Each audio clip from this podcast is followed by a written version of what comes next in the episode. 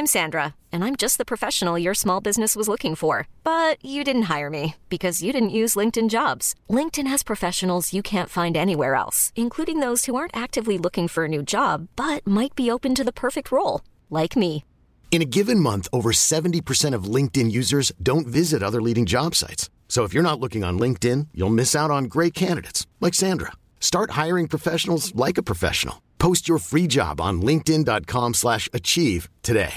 Hey Dave. Yeah, Randy. Since we founded Bombus, we've always said our socks, underwear and t-shirts are super soft. Any new ideas? Maybe sublimely soft. Or disgustingly cozy. Wait, what? I got it. Bombus. Absurdly comfortable essentials for yourself And for those facing homelessness. because one purchased equals one donated. Wow, did we just write an ad?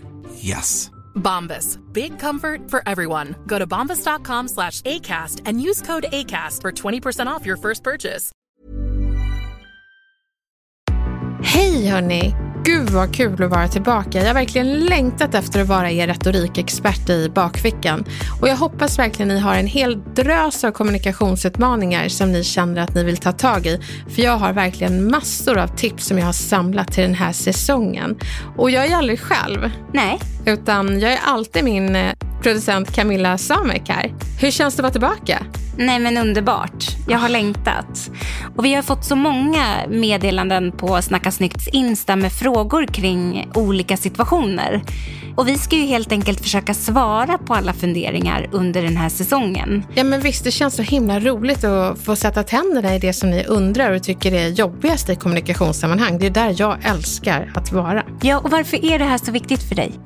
Nej men alltså jag, jag driver en retorikbyrå som heter Snacka snyggt och där har vi ju två dagars kurser, workshops och allting och det är inte alla som har råd med dem. Och eh, jag tycker att det borde vara en rättighet att få lära sig att eh, kommunicera snyggt. Det är inte alltid de som liksom är skickligast eller de som är snällast som får sin vilja igenom, utan det är oftast de som snackar snyggt. Så jag vill liksom skapa ett ljudligt forum där, där precis alla har tillgång till det. Alltså vi har ju rösträtt, det är ju en rättighet vi har. Men det är inte alla som tar sig rätten att använda sin röst för att man är rädd för att tala inför folk. Och eh, där vill jag vara den här kompisen i äh, örat som, äh, som ger tips så att du ska våga använda din rösträtt. Så det, det är så jag tänker. Och jag tycker det är så skönt när alla ställer frågor om vad, vad de vill ha hjälp med. Det känns som att vi är en godispåse av eh, tips som man kan bumsa i sig. Det gillar vi. Eller hur? Och vi har ju som ett Snacka snyggt-bibliotek och det är bara att du går in i det biblioteket och kollar på våra tidigare avsnitt och funderar på vad har jag för kommunikationsutmaningar, vad behöver jag hjälp med? Och då finns vi där i eh, kärnfulla avsnitt med verktyg du kan använda direkt. Så bra. Och jag vet idag, Elin, att eh, du har valt ett ämne som ligger dig lite extra varmt om hjärtat. Oh, jag älskar det här ämnet, för idag ska vi prata om de här samtalen man verkligen inte vill ta, de besvärliga samtalen. Det kan vara allt ifrån små, små vardagssituationer, som att någon har grönsaker mellan tänderna, till de här lite större situationerna som att ge feedback till en person som har dålig självkänsla. Så dålig att eh, personen helt enkelt inte kan ta emot din feedback. Hur kommer man förbi den där dåliga känslan? Kan man säga besvärliga saker på ett sätt som gör att folk lämnar dig med ett leende? Frågar du mig så är ju svaret självklart ja. Och jag har samlat ett gäng knep och meningar som du kan använda som ger folk chans att utvecklas. Men också dig förmåga att berätta allt ifrån att en person kanske luktar svett till att få en kollega som har väldigt dålig självkänsla att faktiskt sträcka på sig trots att han har fått kritik. Och jag lovar dig att efter det här avsnittet så kommer han att sträcka på sig. För han har ju fått kritik från dig. Idag lär jag dig konsten att ha besvärliga samtal snyggt. Jag heter Elaine Eksvärd och du lyssnar på Snacka snyggt. Välkommen! Du lyssnar på Snacka snyggt med Elaine Eksvärd, din retorikexpert. Hiring for your small business? If you're not looking for professionals on LinkedIn, you're looking in the wrong place. That's like looking for your car keys in a fish tank. LinkedIn helps you hire professionals you can't find anywhere else, even those who aren't actively searching for a new job but might be open to the perfect role. In a given month, over 70% of LinkedIn users don't even visit other leading job sites. So start looking in the right place. With LinkedIn, you can hire professionals like a professional. Post your free job on linkedin.com slash achieve today. Wow. Nice. Yeah. What you're hearing are the sounds of people everywhere putting on Bombas socks, underwear, and t-shirts made from absurdly soft materials that feel like plush clouds. Yeah, that plush. And the best part? For every item you purchase, Bombas donates another to someone facing homelessness. Bombas. Big comfort for everyone. Go to bombas.com slash ACAST and use code ACAST for 20% off your first purchase. That's bombas.com slash ACAST. Code ACAST. Jag är chef till sju underbara retorikexperter som jag vid ett gäng tillfällen såklart har fått ge feedback. Men twisten då när man är chef till retorikexperter, det är att du som chef får feedback på hur du ger feedback. Och det har ju varit helt eh, underbart för att jag har ju fått utveckla min förmåga att ha besvärliga samtal snyggt. Och det finns faktiskt ett exempel som lärde mig någonting jag aldrig kommer göra om tack vare det här första guldtipset som jag vill ge er. Det var nämligen så att jag gav en kollega feedback skriftligen och hon svarade så himla proffsigt och ärligt på det jag sa. Hon skrev att hon tackade för feedbacken och förstod vad hon skulle göra rätt nästa gång. Sen sa hon inte men. Hon sa heller inte men du då? Utan hon sa jag vill vara ärlig att trots att feedbacken var vettig så blev jag väldigt ledsen över tajmingen för den och att du tog den skriftligt. Jag hade gärna hört din ton över ett samtal eller sett ditt ansikte över ett möte. Alltså, det säger så mycket om hur fel det är att skriva ner feedback. Låt oss aldrig göra det, för då kapar vi 80 procent av kommunikationen, den icke-verbala. Alltså du behöver vara nobelpristagare i litteratur för att få en person att förstå och dessutom växa av feedback i text. Så skippa det. Det blir mitt första guldtips i hur du hanterar besvärliga samtal snyggt. Så träffa personen eller ring upp, bara så att man får ett ansikte eller en röst. Så himla viktigt.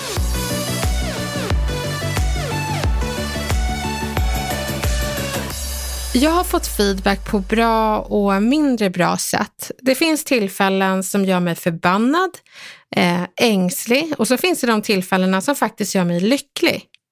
Förbannad, det gör folk mig som berättar något fel jag har gjort. Men inte bara det, de pådyvlar mig en negativ intention. Det kan vara någon som tycker att mitt klädval är respektlöst för publiken. Kläder som jag tyckte om.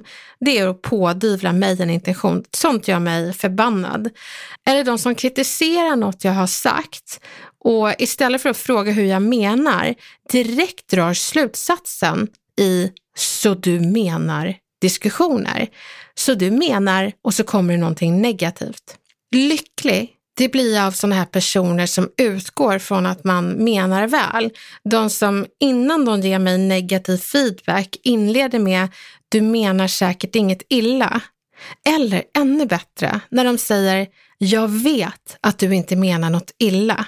Sådana meningar får mig att sträcka på mig och sänka garden för de ser mig som en bra person och då blir jag ju mer mottaglig för feedbacken som kommer. Och här har du ett jädra bra knep. När du ger feedback, se till att det kommer från hjärtat. Anta att folk inte menar något illa. På riktigt.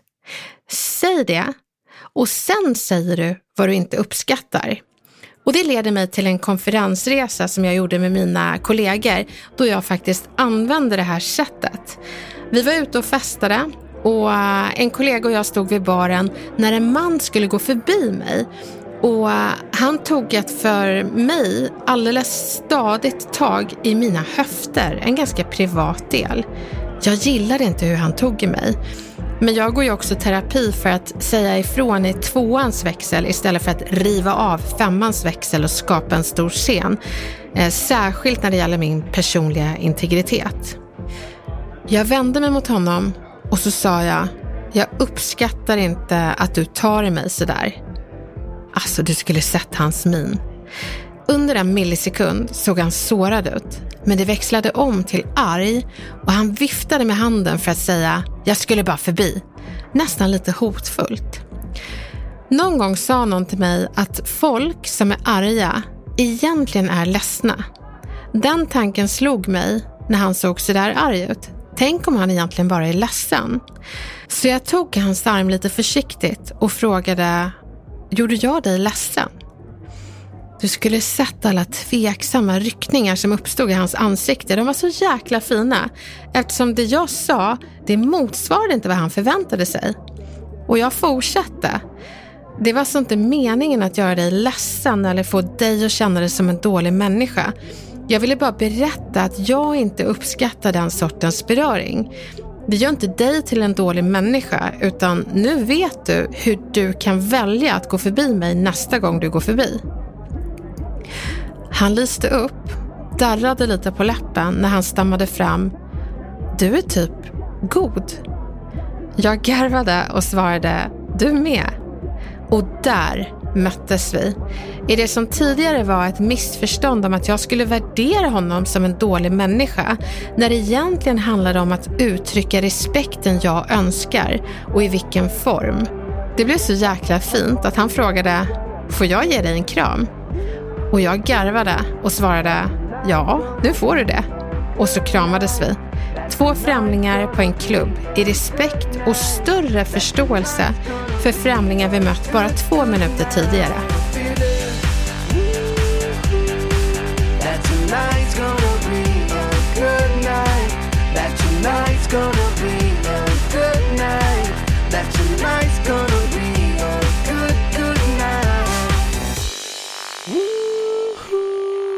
När det kommer till besvärliga samtal så är självkänsla ett begrepp som är väldigt viktigt att ha koll på.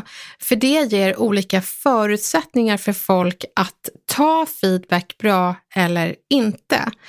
Och det är inte alla som har koll på självkänsla, så jag tänker att vi går igenom det för att du inte ska slå knut på dig själv när du försöker ge feedback till folk som alltid slås ner av det, oavsett hur fin formulering du ger. Självkänsla, det har inte med din prestation att göra, utan din egen känsla av ditt egenvärde. En som har bra självkänsla kan ta feedback utan att för den delen slå ner på sig själv. Jag vet folk som inte kan ta feedback utan de börjar liksom slå ifrån sig den, försvara sig eller så kör de med “men du då?” För att de tror att att ta negativ feedback, det är detsamma som att värdera sig själv som mindre värd. Det är så himla sorgligt och det är det som är dålig självkänsla. Men det finns knep att få de här personerna att sluta blanda ihop det som de har gjort fel med att de skulle vara fel som människor. Och det är väldigt bra att ringa in hur man själv är har man bra självkänsla eller inte? Är det så om du har fört ett eh, protokoll på ett möte och någon säger du, protokollet behöver bli bättre. Känner du direkt då att jag behöver bli bättre, jag är sämre. Eller kan du liksom hålla distansen och bara, jag är inte protokollet, utan jag kan utveckla protokollet. Så Camilla, kände du dig som protokollet? Har du bra självkänsla? Jag eh, kan nog ta kritik ganska bra, men jag vill nog gärna förklara mig. Om du förstår vad jag menar. Det är så vanligt. För vi människor, vi är flockdjur och vi vill tillhöra flocken. Och reptilerna tänker, jag kommer dö. Och då börjar man försvara sig. Nej, men jag är inte fel, jag är bra. Och då börjar man reflexmässigt att förklara sig. Men mitt råd är då istället för att förklara dig först så ska du visa förståelse först, förklara sen. För då vill flocken leka med dig. Så vi kan testa bara, ja. se hur det känns i din förklararnerv. Jag kommer ge dig eh, feedback och så ska vi se hur du reagerar. Okej. Okay. Mm. Jag ska ge dig feedback på tre olika sätt och du ska få berätta hur det landar. Så nu är jobbet hos den som ger feedback att jag ska göra det snyggt. Här kommer det första. Du Camilla, du gjorde ett jättebra jobb med det senaste poddavsnittet, men det hade kunnat förlängas med fem minuter. Jag förstår. Ja, alltså jag tänker att det också skulle vara härligt om det fick lov att vara lite längre. Men jag tror att, eh, att känslan var att det blir mer kärnfullt om det fick vara precis 20 minuter. Nu har du hoppat direkt på masterclass. Det var ju jättehärligt att du, du svarar helt rätt. Men jag är lite nyfiken på hur kändes det när jag gav dig feedback på det här sättet? Nej men så här, jag gjorde ett bra jobb men Mm. Eh, och jag gillar ju när man är väldigt direkt. För mig känns det jobbigt om, om man ska linda in saker och ting. Så att jag tror att jag gillar den här typen av feedback. Det var bra, men. Men jag tänker att det kanske inte är så för alla. Nej, det finns studier som visar på att män tar udden av allting man sa innan. Så om man säger eh, du är eh, älskvärd men envis. Ja. Då är det liksom envis som landar. Eller, Då är det det man kommer ihåg. ja men precis, du gör ett bra jobb men det skulle kunna utvecklas. Så det är bättre att man kapar komplimangerna från feedbacken eller att man skiftar på det. Så att man börjar med feedback och sen ger komplimangen för att det ska bli eftersmaken. Så jag testar och kör den metoden till dig. Okej?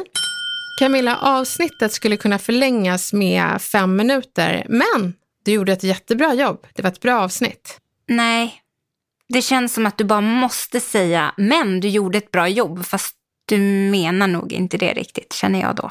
Nej, det var som att jag kastade in det där. Jag undrar också om det här är lite psykologiskt, hur man är som person. För jag tar nog åt mig mycket mer av negativ kritik. Det stannar hos mig.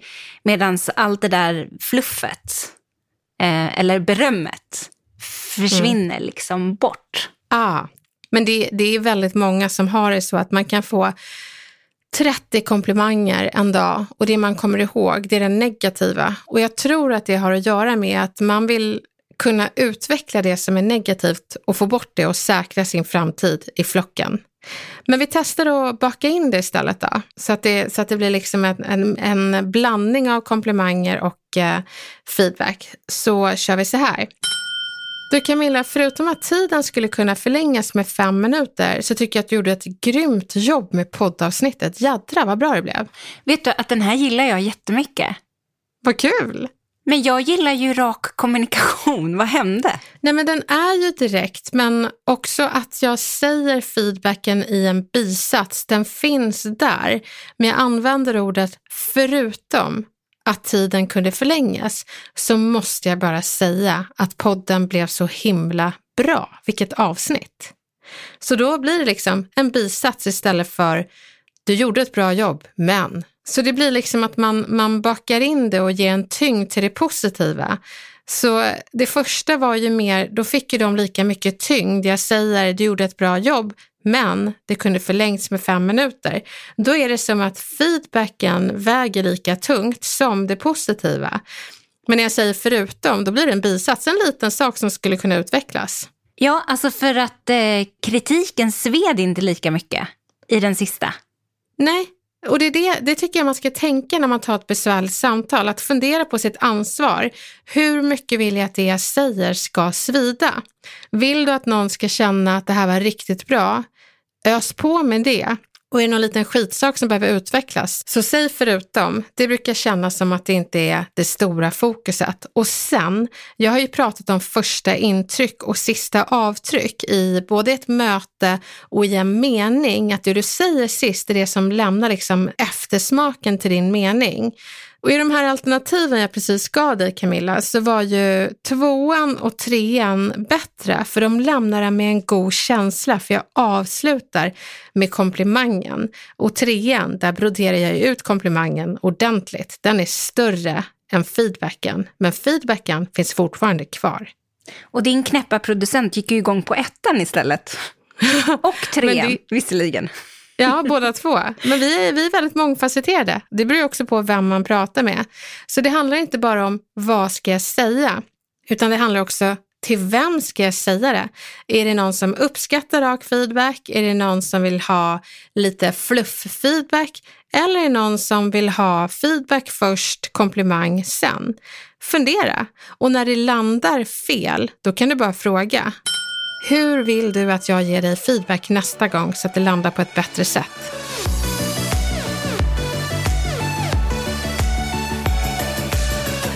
Nu Camilla, nu ska du få testa och ge feedback. Nej, är nej, nej, nej, nej, jag går nu. Ja, men det här är så kul. Det ska bli så kul. Jag älskar det här. Det här är scenarion som ni, våra lyssnare, har kommit med och berättat att hur berättar man det här på ett bra sätt? Och det känns jättekul att faktiskt ta de exemplen och ännu roligare att Camilla ska få testa att säga det på ett snyggt sätt. Hur känns det? Nej, men nu är jag faktiskt lite nervös. Ja, Mm. Nej, men då, då så här. Eh, jag kan ge dig en liten livlina och det är att man ska gärna ge en komplimang först och sen önskan om vilken förändring du vill ha sen. Så det ska vara liksom din disposition i alla de här lägena. Mm. Komplimang först, önskan sist. Så nu har du en kollega som alltid är sen. Kollegan kommer in i rummet och du ska berätta att du vill att personen kommer i tid. Mm. Alltså jag, jag, vet, jag är oerhört konflikträdd eh, och det skulle kännas jättejobbigt att poängtera att någon är, är sen. Men nu ska jag göra det, jag ska ju bli bra på det. Eh, Och då kanske jag säger, vad kul att du är här. det är en bra komplimang. Och sen, eh, nej men jag skulle nog inte poängtera att personen i fråga är sen. Man kanske ska säga att man tycker att det är skönt att starta i tid. Hur säger man då? Då kanske man säger så här, men vad skönt att du är här. Ehm, eh, mötena börjar klockan nio. Eh, det skulle vara skönt om vi alla kunde vara på plats då. Åh, vad jobbigt. Det gjorde lite Ja, men det ont. funkar väl. Men jag vill ändå backa bandet till det du sa, att du är konflikträdd. Många vågar inte ta besvärliga samtal för att de är rädda för att det ska bli konflikter. Men att ta ett besvärligt samtal, det är ju inte för att bråka, det är för att lösa en situation som man inte vill ska komma upp igen. Så, eh, men jag, jag tycker du gjorde ett bra jobb. Jag, jag tycker eh, att man ska säga någonting i stil med jag värdesätter verkligen våra möten. Du har så mycket viktiga saker att säga. Jag har dock märkt att du eh, inte riktigt fixar att komma till klockan nio. Eh, skulle du vilja att vi flyttar mötet en kvart eller finns det andra sätt som vi kan jobba på för att du ska hinna med? Gud, så bra. Så skulle Ja. jag ha sagt ju. Och sen så kan jag också säga det, jag uppskattar verkligen att vi är här när mötet börjar och jag har märkt att det inte alltid funkar för dig. Finns det någonting annat vi kan göra? Har du några förslag?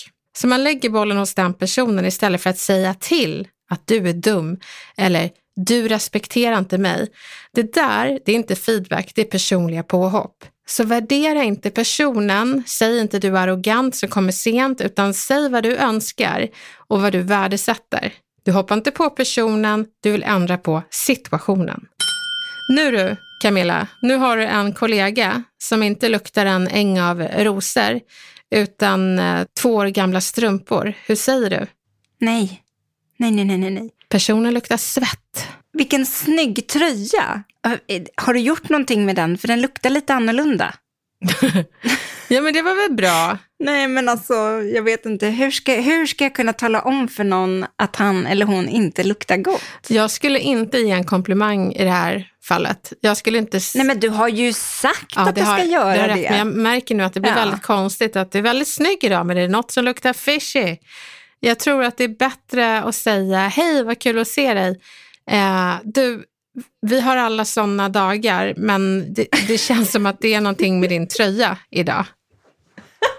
Det, det är nog väldigt viktigt. Jag kan faktiskt berätta att jag har varit med om ett eh, sånt scenario. Nej. Jo, jag var på tåget till Göteborg och hamnade bredvid en jättetrevlig herre som satt bredvid mig. Och vi snackade på av bara tusan och det kändes som att man hade en kompis halva resan till Göteborg. När halva resan hade gått så ringer hans telefon och tydligen så var han väldigt bekväm med mitt sällskap. Det var nog en riktig hemmakänsla för att mitt i det här tåget så tar han av sig sina skor. Och ni vet, jag sitter och skriver när min näsa drabbats av en fotsvetsattack utan dess like.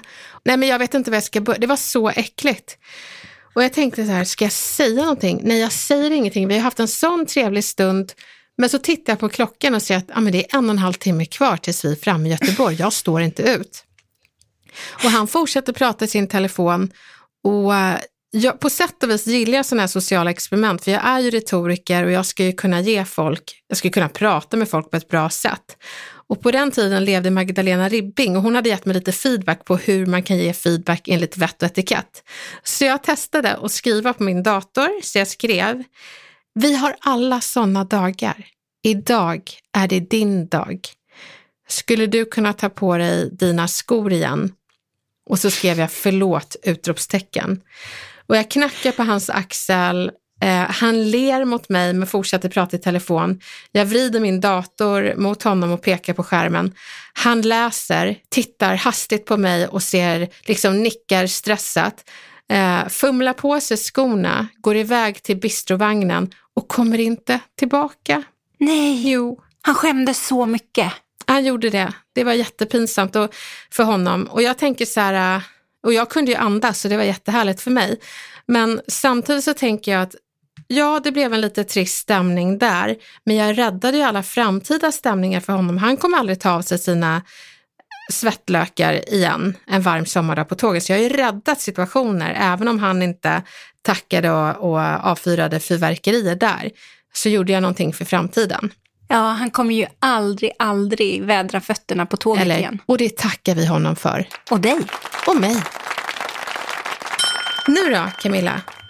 En främling har en grönsak på framtanden. Du står och minglar och eh, har börjat prata med, med en eh, kvinna, säger vi nu då, som har en, en sparris på framtanden. Mm. Vad gör du? Jag skulle bli superledsen om jag gick omkring med, med något grönt eh, mellan tänderna en hel dag och ingen sa något. Och den känns helt odramatisk. Du har något lite grönt där mellan tänderna. Ja, Ja, du har något där. Och den tänker jag bara att man blir så otroligt tacksam. Det är inget pinsamt att ha något grönt mellan tänderna. nej, men du, vi tar ett steg längre. då. Det är samma mingel. En person verkar vara väldigt entusiastisk och glad att prata med dig. Det har varit så här stela människor på hela minglet. Den här personen pratar med dig, men har en, en andedräkt som kommer från en kyrkogård i kistan. Vad gör du då? Nej, men Elin, då gör jag faktiskt ingenting. Jag tror att jag hittar en, en ny mingelpartner. Jag säger ju inte till någon jag står och minglar med att, att, att hen luktar illa ur munnen. Du gör inte det? Nej, det finns inte en chans. Men det känns liksom inte som att det är mitt problem eller min sak att säga. Borde inte dens partner säga någonting eller mamma eller pappa eller kompis? Det är ju värre om man har eh, en kompis eller om ens man luktar så. Då får man ju ta samtalet. Här kommer du till kärnan. Egentligen är det inte oss, vi främlingar, som ska berätta till folk att de luktar eh, gammal kista i, i munnen. Utan det är ju nära och kära som ska säga det. Vad är det för uttryck? Jag vet inte, jag gillar det bara. Ja. Nej usch. Nej men det, det luktar eh, kadaver i din mun. Det vill vi ju inte berätta. Men det tycker jag att nära och kära ska berätta. När Magdalena Ribbing levde så gav hon mig massa så diplomatiska sätt att eh, få folk att göra det man vill. Jag var på ett mingel någon gång då jag pratade och jag tror att jag faktiskt hade dålig andedräkt. För då var det en dam som tog upp sitt tuggummi-paket och vi var kanske så fyra stycken i den ringen och hon erbjöd alla, också mig, eh, tuggummi. Gud vad Ja, smart. men det var så smart. Och så tog hon ett själv och jag bara, åh tack! Sådär. Men är det en kollega, då kan man ju ta fram tuggummit och bara säga, eller halsa, du ska nog ha en sån här idag. Alltså att man, här får du. Men det kan man ju säga till en kollega. Men till en främling så kanske man inte gör det, utan då kan man erbjuda alla i gruppen och ta en själv. Och då mörkar man liksom vem som är eh, boven i dramat. En, en annan grej, det var en herre också på ett tåg som snorade något enormt mycket och så här, och så bara hör man hur han sväljer och smackar efteråt. Jag blev så jävla äcklad alltså. Jag, och så blev jag sur. Och, och det var också i samband med att eh, vi fick lunch serverad till oss allihop. Det var ingen som ville äta. Och då sitter ju alla de här eh, konflikträdda svenskarna runt omkring. Jag är också svensk, men jag är också brasiliansk. Jag är inte konflikträdd, jag vill lösa det här problemet. Så jag går fram till honom och så säger jag, eh, när du snorar så hörs det, säger jag, tyst liksom. Och han blir jättesur på mig. Men jag uppnår resultat. Han går ju in i toaletten och sväljer sitt snor där istället. Tycker jag är en lämplig plats att svälja snor på för övrigt. Men så berättade det här för Magdalena Ribbing och hon tyckte det var mycket ohövligt av mig. Det, så ska jag inte göra. Och jag var så här, men hur ska man göra då? Jo, du räcker över dem en servett, en näsduk. Ja, såklart. Helt genialiskt. Tack Magdalena Ribbing. Älskade Magdalena Ribbing. Men nu vill jag ge dig fler exempel Camilla. Mm. Du har en för jävla sur chef som har lika bra självkänsla som eh, sumobrottare är på att springa 60 meter sprint. Så liksom. Jättedåligt. Ja, inte så bra självkänsla alls. Och nu har hon sina vita snygga jeans från eh, 90-talet, sådana här som man behöver lägga sig ner för att få- på sig. Och hon har inte bara det förstår du, hon har mens. Nu ska du få berätta för henne att hon har polkagrisfärgade jeans på baksidan. Mm, det tycker jag faktiskt att man har en skyldighet att göra.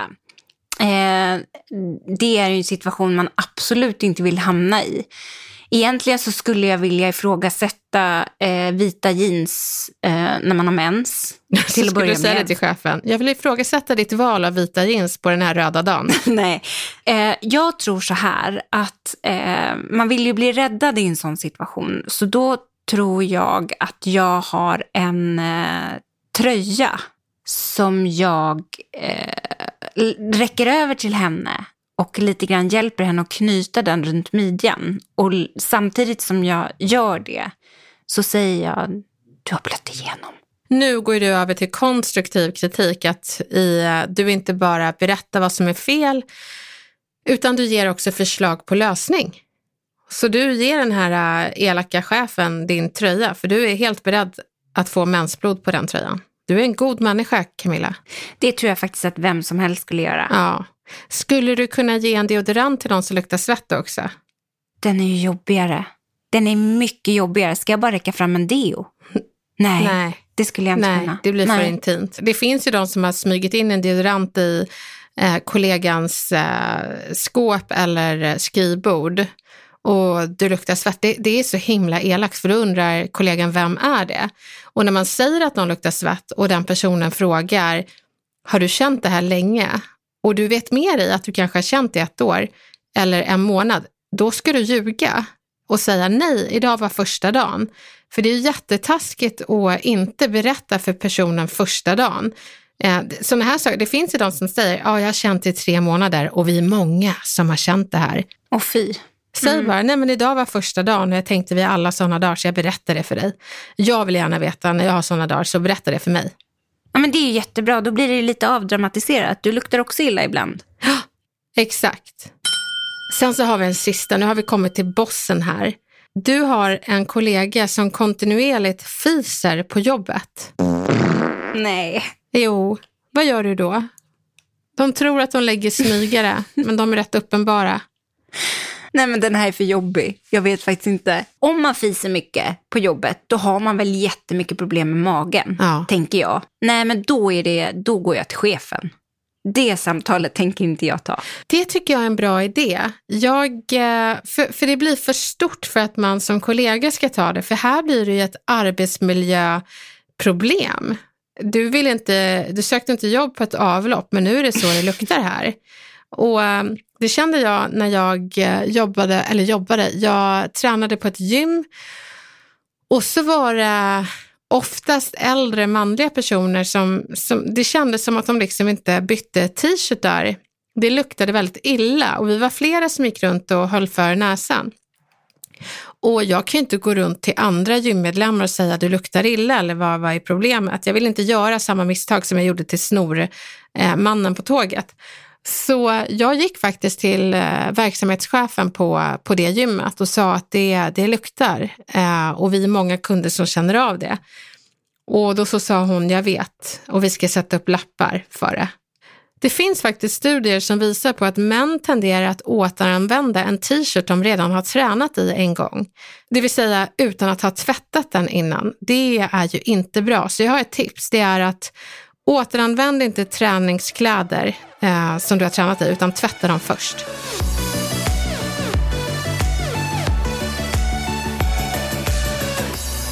Nej, men hörni, jag, jag tycker att det här, kändes det bra med alla de här scenarierna? Ja, jo men det gjorde det ju. Ja. Jag har lärt mig massor. Vad bra.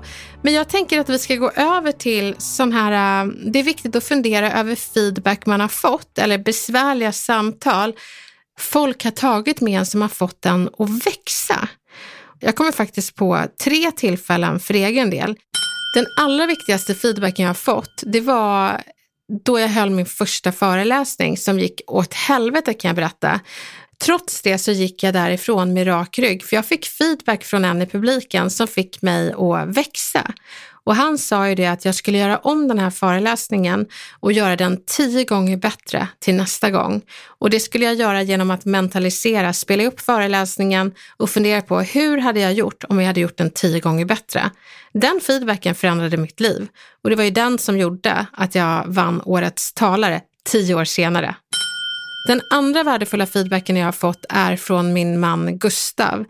En eh, sorts konstruktiv feedback som faktiskt är skälet till att vi fortfarande är tillsammans 12 år senare. Ni behöver veta att jag är uppväxt i en familj där man skriker på varandra och det är inte hela världen. Gustav är inte uppväxt i en sån familj. Så när jag skrek på honom för första gången när vi hade varit ihop i kanske fyra månader så sa han Antingen så pratar vi i vårt förhållande eller så skriker du, men då kommer inte jag vara kvar i den här relationen. Och jag är så glad att Gustav gav mig chans att välja. 12 år senare och vi är fortfarande tillsammans. Sen så finns det en tredje situation som också har fått mig att växa enormt och det var från min mentor Paul Ronge. Han var min chef och jag hade precis slagit igenom med min eh, bok Härsketeknik och uh, journalister ringde som bara den och jag började känna mig lite högfärdig av det utan att kanske vilja erkänna det. Paul frågade om vi skulle ta en lunch och så säger jag jag vet inte riktigt om jag hinner, det är så många journalister som ringer just under lunchen. Och han tittade på mig med en befogad avsmak och så sa han, Elaine, nu är du snobbig och det passar inte dig för du är inte en snobb, du är en bra och kompetent kvinna. Den tog på ett väldigt bra sätt. Jag visste precis vad han menade och det har gjort att jag aldrig någonsin igen har gått in i träsket snobberi, utan eh, jag håller mig till den ödmjuka platsen. Nu ska ni få mina bästa tips för att säga besvärliga saker snyggt. Säg det från hjärtat. Det finns folk som säger “jag var bara ärlig” eller “du får inte vara så känslig” när det egentligen handlar om att deras ord är lika sköna som en soffa gjord på spikmattor. Var inte en spikmatta, var snäll. Fundera på hur dina ord kan få personen att sträcka på sig. Man kan se om ett rum lyser upp eller sjunker ihop när man kommer in Gör samma mätning av dina ord i besvärliga samtal. Sjunker folk ihop eller sträcker på sig? Ta bort du och ersätt med det. Istället för att säga du luktar svett, säg det är något med din tröja idag. Istället för dina tänder är smutsiga, säg det är något på framtanden idag. Istället för du gjorde fel, säg det blev någon vargsäng med det här som du säkert kan fixa. Utgå från att personen är god. Vi är sex gånger mer benägna att tacka ja och ta till oss ord från personer som vi gillar. Det har jag berättat förut. Vi gillar folk som gillar oss. Gilla den som du ger besvärlig information till. Mjukt avslut. Slutet av meningen ska lämna en med en bra känsla. Se till att meningen är uppbyggd så. Feedback först, det härliga sen. Upplever du att jag attackerar dig? Den här frågan är jättebra att ställa till folk som hamnar i försvarsställning när du ger feedback. Så ställ den frågan och be om ursäkt om så är fallet. Då får du chans att förklara vad du menade och personen kommer sänka garden för ditt budskap som ju ska fram. Var inte besvärad, då blir folk besvärade. Om du ser besvärad ut när du berättar att protokollet behöver skrivas om, då kommer personen känna sig besvärad av ett skäl. Du såg besvärad ut först. Så säg det lättsamt. Fråga hur det landade. Det är en jättebra checkfråga. En tid efter man har gett feedback så kan man gå tillbaka till personen och säga, du det där jag sa till dig innan, jag vill bara kolla, hur landade det?